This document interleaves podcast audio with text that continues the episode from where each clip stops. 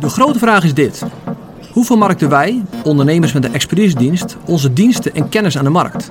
Om zo grote impact te hebben en ook nog eens winstgevend te zijn. Dat is de vraag. Deze podcast geeft het antwoord. Mijn naam is Dirk Teveling en welkom bij de Expertise Marketing Podcast.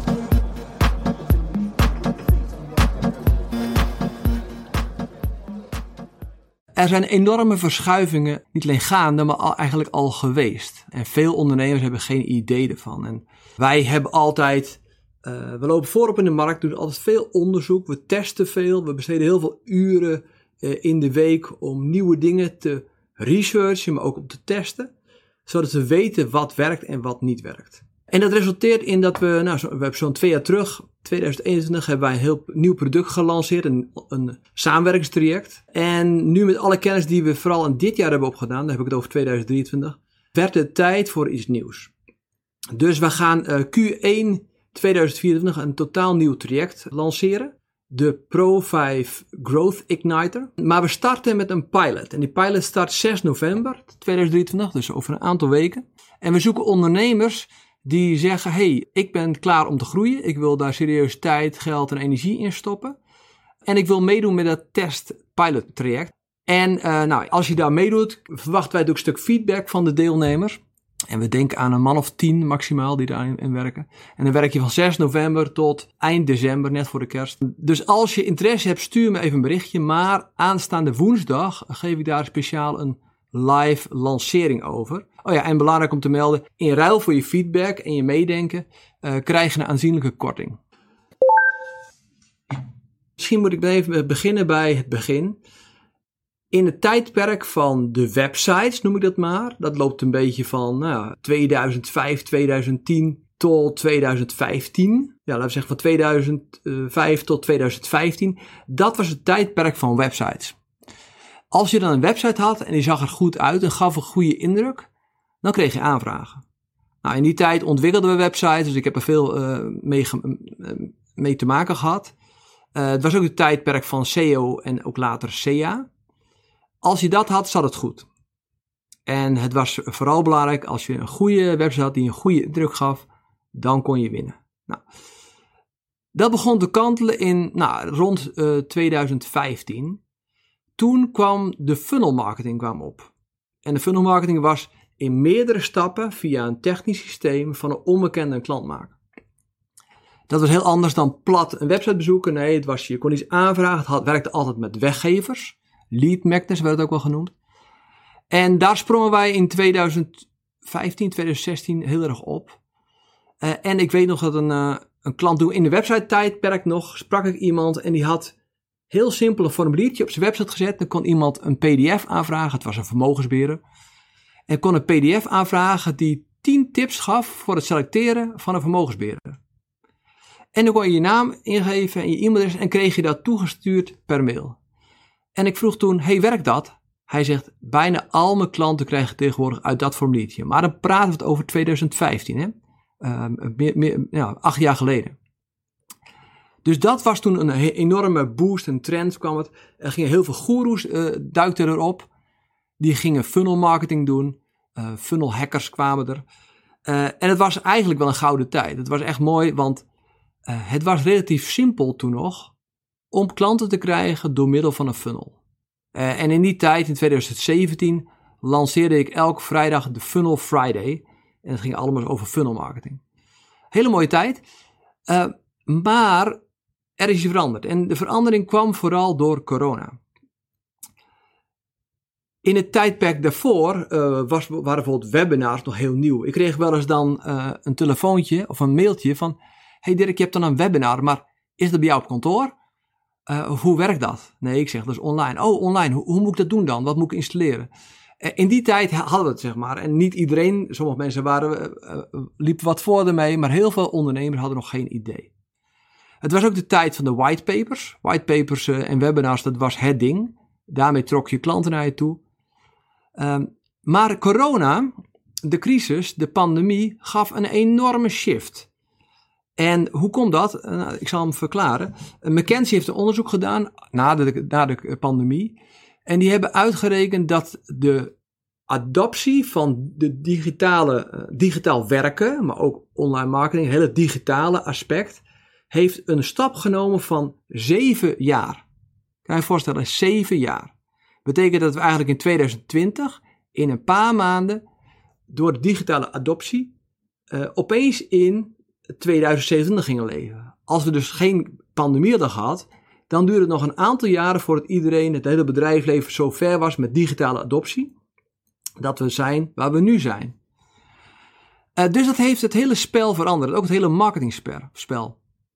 Dus wat toen nog werkte, en dan heb ik het dus eigenlijk over twee tijdsperken, 2017 tot 2021 ongeveer, halverwege corona. Dat wat toen werkte in dat tijdperk, dat werkt nu niet meer. En dan zeg ik misschien wel heel hard dat het nu niet meer werkt. Misschien dat het in 2 of 3 procent van de gevallen bij hele exotische branches nog wel werkt. Maar in de meeste branches werkt dat niet meer. En nu, vanaf 2021, nou, nu zitten we in 2023, de, de, deze periode, dit tijdperk is echt heel anders. Nou, ik ga zo meteen een aantal verschuivingen laten zien die gebeurd zijn. Uh, en ik laat je zien wat, wat toen werkte en wat er nu nodig is. En ik ga dat doen en ik zat te denken, hoe zou ik dat dan gaan aankleden? Uh, ik doe het op basis van de Pro 5 methode, de, beide, de, de, alle vijf de pro's. Ik weet niet of je ze kent van ons, maar dat is profiel, betekent de klant en je niche. Dat is propositie, je aanbod. Drie is projectie, wat mensen op het scherm zien, dat is de content. Dan krijg je proces, dat is het stappenplan, de funnel uh, van onbekende naar betaalde klant. En als laatste heb je de promotie. Dat kan organisch of betaald adverteren zijn om zichtbaar te zijn. Uh, en ik ga die vijf eventjes door en ga, ga laten zien wat de veranderingen zijn. Nou, dan beginnen we bij profiel. En profiel, het klantprofiel. En eigenlijk is daar alles bij begonnen. Want marketing begint altijd bij de mens. Mensen, eh, marketing draait om de mens, om de persoon. Als je dat vergeet, uh, of als je één ding onthoudt van deze sessie, onthoudt dat, dat, dat dan.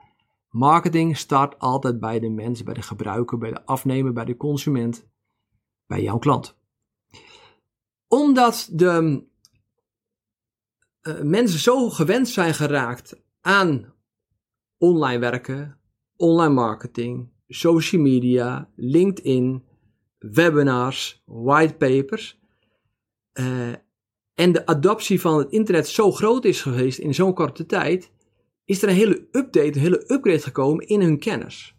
Dus eerst als ze dachten, oh, ik kan een pdfje downloaden, hoef ik alleen mijn e-mailadres uh, in te vullen en dan krijg ik hem gratis. Wauw, dat ga ik doen. Hij kost helemaal niks. Uh, dat dachten mensen toen. En daarvoor voor de, uh, voor de tijd. En daarna dachten mensen, ja, leuk, uh, maar ik heb het al drie keer geprobeerd. ik krijg daarna word ik volgespamd. en dat document zelf was ook niet zo waardevol, heb ik niet zoveel aan gehad. Een aantal open deuren werden ingezet. dus dat is één. Dus mensen wisten veel meer, weten veel meer. Ze hebben webinars gevolgd en ze ontdekten dat webinars heel vaak waren. Dat verkooppitches gepresenteerd met een stoere belofte in een half uur. En als ze dan een paar keer een webinar hadden bezocht, dachten ze, ja, dit is hem ook niet. Dus omdat de eindgebruiker, jouw klant, veel meer kennis heeft gekregen van online middelen, maar ook de trucjes heeft ervaren, weet hij gewoon veel meer, is hij gewoon veel slimmer en trapt hij er niet meer in. Gaat hij niet meer zijn e-mails achterlaten, want dan denken we, ja, lekker, uh, dan krijg ik weer spam. En dat is de hele reden waarom de, de marketing ook zo enorm snel veranderd is en verschoven is. Dus als we bij profiel uh, kijken, dan zie ik dus bij de persoon, zie ik dat ze veel meer closeness zoeken. En wat bedoel ik met closeness? Ze willen zaken doen met de persoon. In het verleden deden ze zaken met bedrijven en nu willen ze gewoon met de persoon in contact komen. Dus ze willen dichterbij. Het moet persoonlijk zijn, het moet authentiek zijn, het moet echt zijn. En als mensen proeven dat dat niet is, of dat ze die mailtjes die ze krijgen heel persoonlijk worden geschreven, maar het gewoon een robotje is, een systeempje wat ze verstuurt, dan haken mensen af. Dus e-mail marketing, ja, ik geloof er heel erg in. Maar uh, doe het dan voor informatie en kennisoverdracht en niet om relatie te bouwen. Dat is een stuk lastiger geworden bij, uh, nou, uh, in het nieuwe tijdperk. Dus als eerste, de persoon is veranderd en dat heeft effect gehad op de rest. Ehm, gaan we naar de tweede pro. En die is van propositie, het aanbod. Ik weet niet of je het een beetje gevolgd hebt de laatste paar jaren. Maar high-end ondernemen werd het nieuwe ding. Uh, en het leuke was, er waren heel veel high-end coaches die dan weer andere coaches gingen opleiden en die werden ook high-end. Uh, en ik wil niet zeggen dat het nep was, helemaal niet, want ik ken ook heel veel mensen die gewoon enorm veel waarde in zulke trajecten bieden. Maar het was eigenlijk gebaseerd op, ik ga hele grote trajecten aanbieden voor hele hoge prijzen, zodat ik maar een paar klanten nodig heb. Nou, ondertussen hebben mensen dat ervaren en ik heb ook heel wat mensen al gesproken die zeggen, nou, daar ben ik op teruggekomen het hele high-end ondernemen. Het is natuurlijk goed om een hoge prijs te vragen. Het is goed om een gezonde prijs te, vragen voor de waarde die je levert. Daar ben ik helemaal voor. Maar alleen de focus op high-end, een hoog aanbod, een groot aanbod met alleen een hoge prijs, dat is er echt vanaf. daar trappen mensen niet meer in en ik zie dat heel veel high-end coaches het lastiger hebben. Wat, wat dan wel? Um, heel simpel, er moet meer variëteit zijn in producten. Als mensen jou online leren kennen, zullen ze nog niet meteen een traject van 20.000 euro of 100.000 euro uh, daarvoor gaan. Ze willen je eerst een beetje ervaren. Dus wat moet je doen, je moet kleinere producten gaan aanbieden. Instapproducten, producten waarbij je een stukje van het grote probleem, een subprobleem gaat oplossen. Wel omkaderd, dat is belangrijk, zodat ze al een succesje hebben met het probleem wat je oplost. Zodat je ervaren hebben, zodat ze weten, hey, dit werkt, dat is een goede gast, een goed bedrijf, betrouwbare partij, ze hebben expertise en vervolgens verder gaan. Kijk, in de cijfers, want ik heb er gisteren even naar gekeken, uh, voor corona had ik soms, of de, de meeste klanten die kwamen, sprongen meteen bij ons high-end in. Dus die kochten meteen trajecten van 10.000 euro. Uh, geen probleem, die stapte erin. Nu, op dit moment, heeft 70% van mijn klanten die dit jaar klant zijn geworden, al eerder iets kleins gekocht. Nou, dat is voor mij echt wel tekenend. Dus ga kleinere producten aanbieden. En zorg ervoor dat je producten, uh, nou, hoe zeg ik dat, dynamisch zijn. Niet te strak omlijnd. Want als jij een pakketje aanbiedt, zo is het, zo ziet het eruit, dit zijn mijn voorwaarden, dan voelt de klant zich een nummertje in dat traject. En dat wil je voorkomen. Je wil voorkomen dat ze denken: oké, ik moet in zijn mal passen. En het heeft alles te maken met verpakking. Dus uh, wees flexibeler, ook in je verpakking, maar ook in de deliveries bij je klanten. Heel belangrijk. Zodat mensen makkelijker kopen. De derde pro, uh, die is van content. De projectiefase. Nou, daar ik een enorme verschuiving. In het verleden kon je heel simpel met één whitepaper kon je een jaar mee doen. En dat heb ik zelf ook gedaan. We hebben, nou, in, ik denk in totaal in ons online marketing leven vier of vijf whitepapers geschreven. Uh, en één whitepaper kan ik traceren dat daar, uh, wat was het, moet ik goed zeggen? Ik heb het opgeschreven. Uh, eh, 34 nieuwe klanten uitkwamen en het leverde meer dan 200.000 euro omzet op. Uit één whitepaper, kan je je voorstellen. Dus je schrijft één keer iets goeds en dat kostte ons echt wel, dat was echt niet een middagje.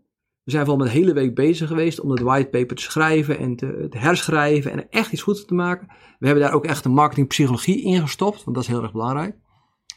Uh, maar die, e, dat ene whitepaper wat we toen gemaakt hebben, heeft dus meer dan 200.000 euro aan omzet opgeleverd. Kan je nagaan. Maar nu, we gebruiken helemaal geen whitepapers meer. We adverteren niet meer whitepapers, dat doen we al een hele tijd niet. Waarom? Het werkt gewoon niet meer.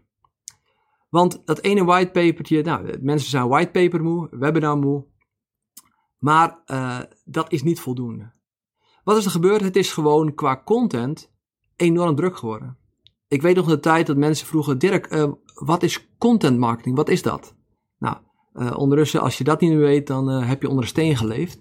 Maar iedereen, elk bedrijf doet iets met content marketing, goed of slecht. Betekent dat het gewoon enorm druk is geworden. Dus er is, als je je LinkedIn of je Instagram opent, er is zo'n tijdlijn vol met informatie en het is gewoon dringend geworden. Dus wil je opvallen, moet je gewoon nu regelmatig, heel frequent, veel content posten. En, en het nadeel daarvan is dat kost gewoon heel veel tijd. Uh, wij maakten toen het whitepaper, daar konden we een jaar mee doen, want dat was bijna het enige wat we deden. En voor de rest was het nog een beetje spielerij. Maar nu moet je wel gewoon een stroom aan content maken. Nou, dat is ook iets wat we gaan tackelen in ons nieuwe product een, het ontwikkelen van een content ecosysteem. Want het is stom en echt dom om elke keer weer iets nieuws te bedenken. Als je één keer een goed fundament hebt en je hebt een content ecosysteem, kan je heel veel content herbruiken op allerlei formaten. En, uh, super interessant, dat bespaart je heel veel tijd. Nou, voeg je daar nog de kracht van AI bij, dan krijg je helemaal een leuk spel. Dan ga je helemaal tijd besparen. Alleen ik zie wel helaas wel dat heel veel ondernemers AI gewoon totaal niet goed gebruiken. Dus een advocaat die zegt dan tegen uh, ChatGPT, zegt hey, schrijf, ik, ben, uh, ik richt me op ondernemers, schrijf een goed blogartikel over de advocatuur. En nu zeg ik het woord advocaat. Ik denk eigenlijk dat de meeste advocaten iets slimmer zijn dan dat. Uh, maar het, het, is een voorbeeld. Uh, dus wat komt eruit? Een heel mooi algemeen verhaaltje over advocatuur voor ondernemers. Nou, heb je niks aan, veel algemeen, allemaal open deuren, gaat je geen klanten geven. Maar als je AI combineert met een content framework, en met een content framework bedoel ik een systematiek waarbij je psychologisch bij de lezer wat doet, niet hem tricken, niet hem manipuleren, maar meer dingen, het Content 9 framework wat wij gebruiken bijvoorbeeld, dat gaat echt uh, inhoudelijk bouwen aan de relatie met de klant, zodat die klant naar jou toe wordt getrokken en denkt, hé, hey, maar ik moet met die persoon te praten.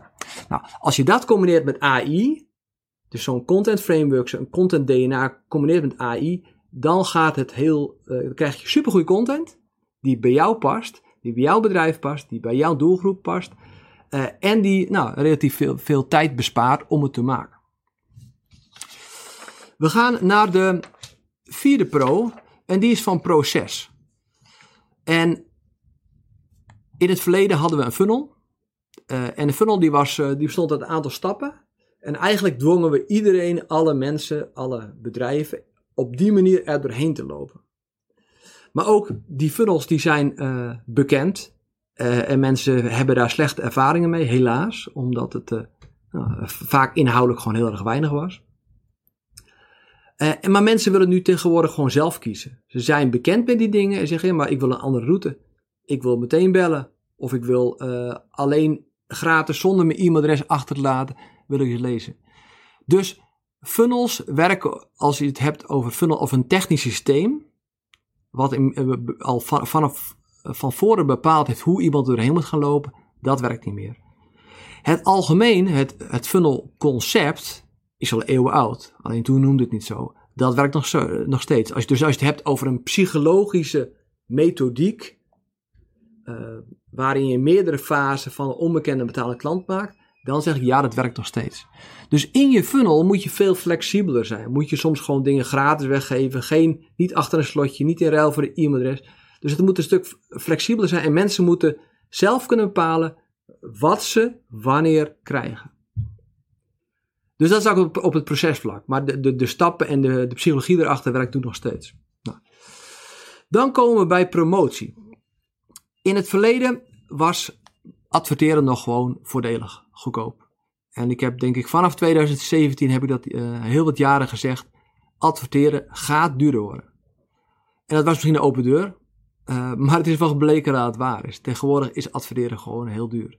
En ik zie weinig bedrijven die hun advertentiebudget per klant lager kunnen houden dan wat de omzet of misschien wel de marge is die de klant oplevert. De zogenaamde ROAS uh, gaat dan nou, niet boven de 1.